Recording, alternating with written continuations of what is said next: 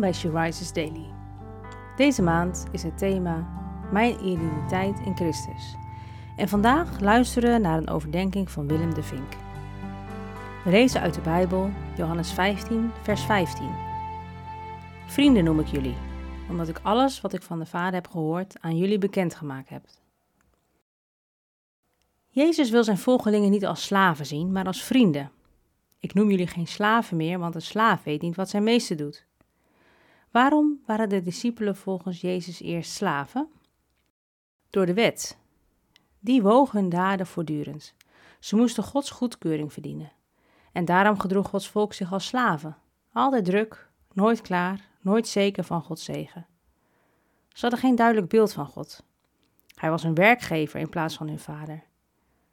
Zo leven mensen die zijn genade niet kennen. Paulus schrijft dat de wet ons als slaven gevangen hield.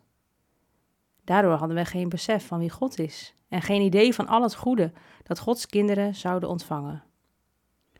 Voordat dit geloof kwam, werden we door de wet bewaakt.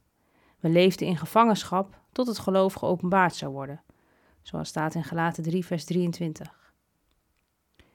Jezus kwam met Gods genade.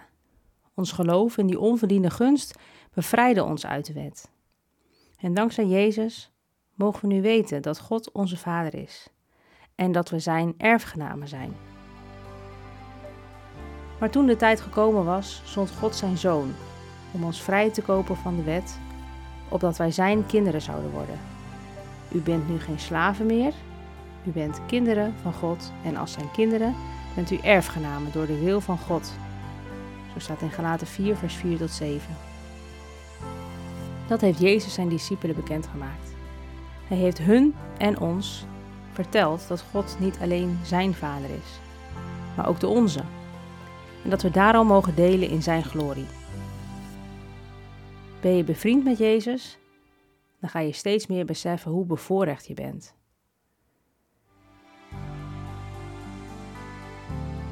Je luisterde naar een podcast van She Rises. She Rises is een platform dat vrouwen wil bemoedigen en inspireren in hun relatie met God.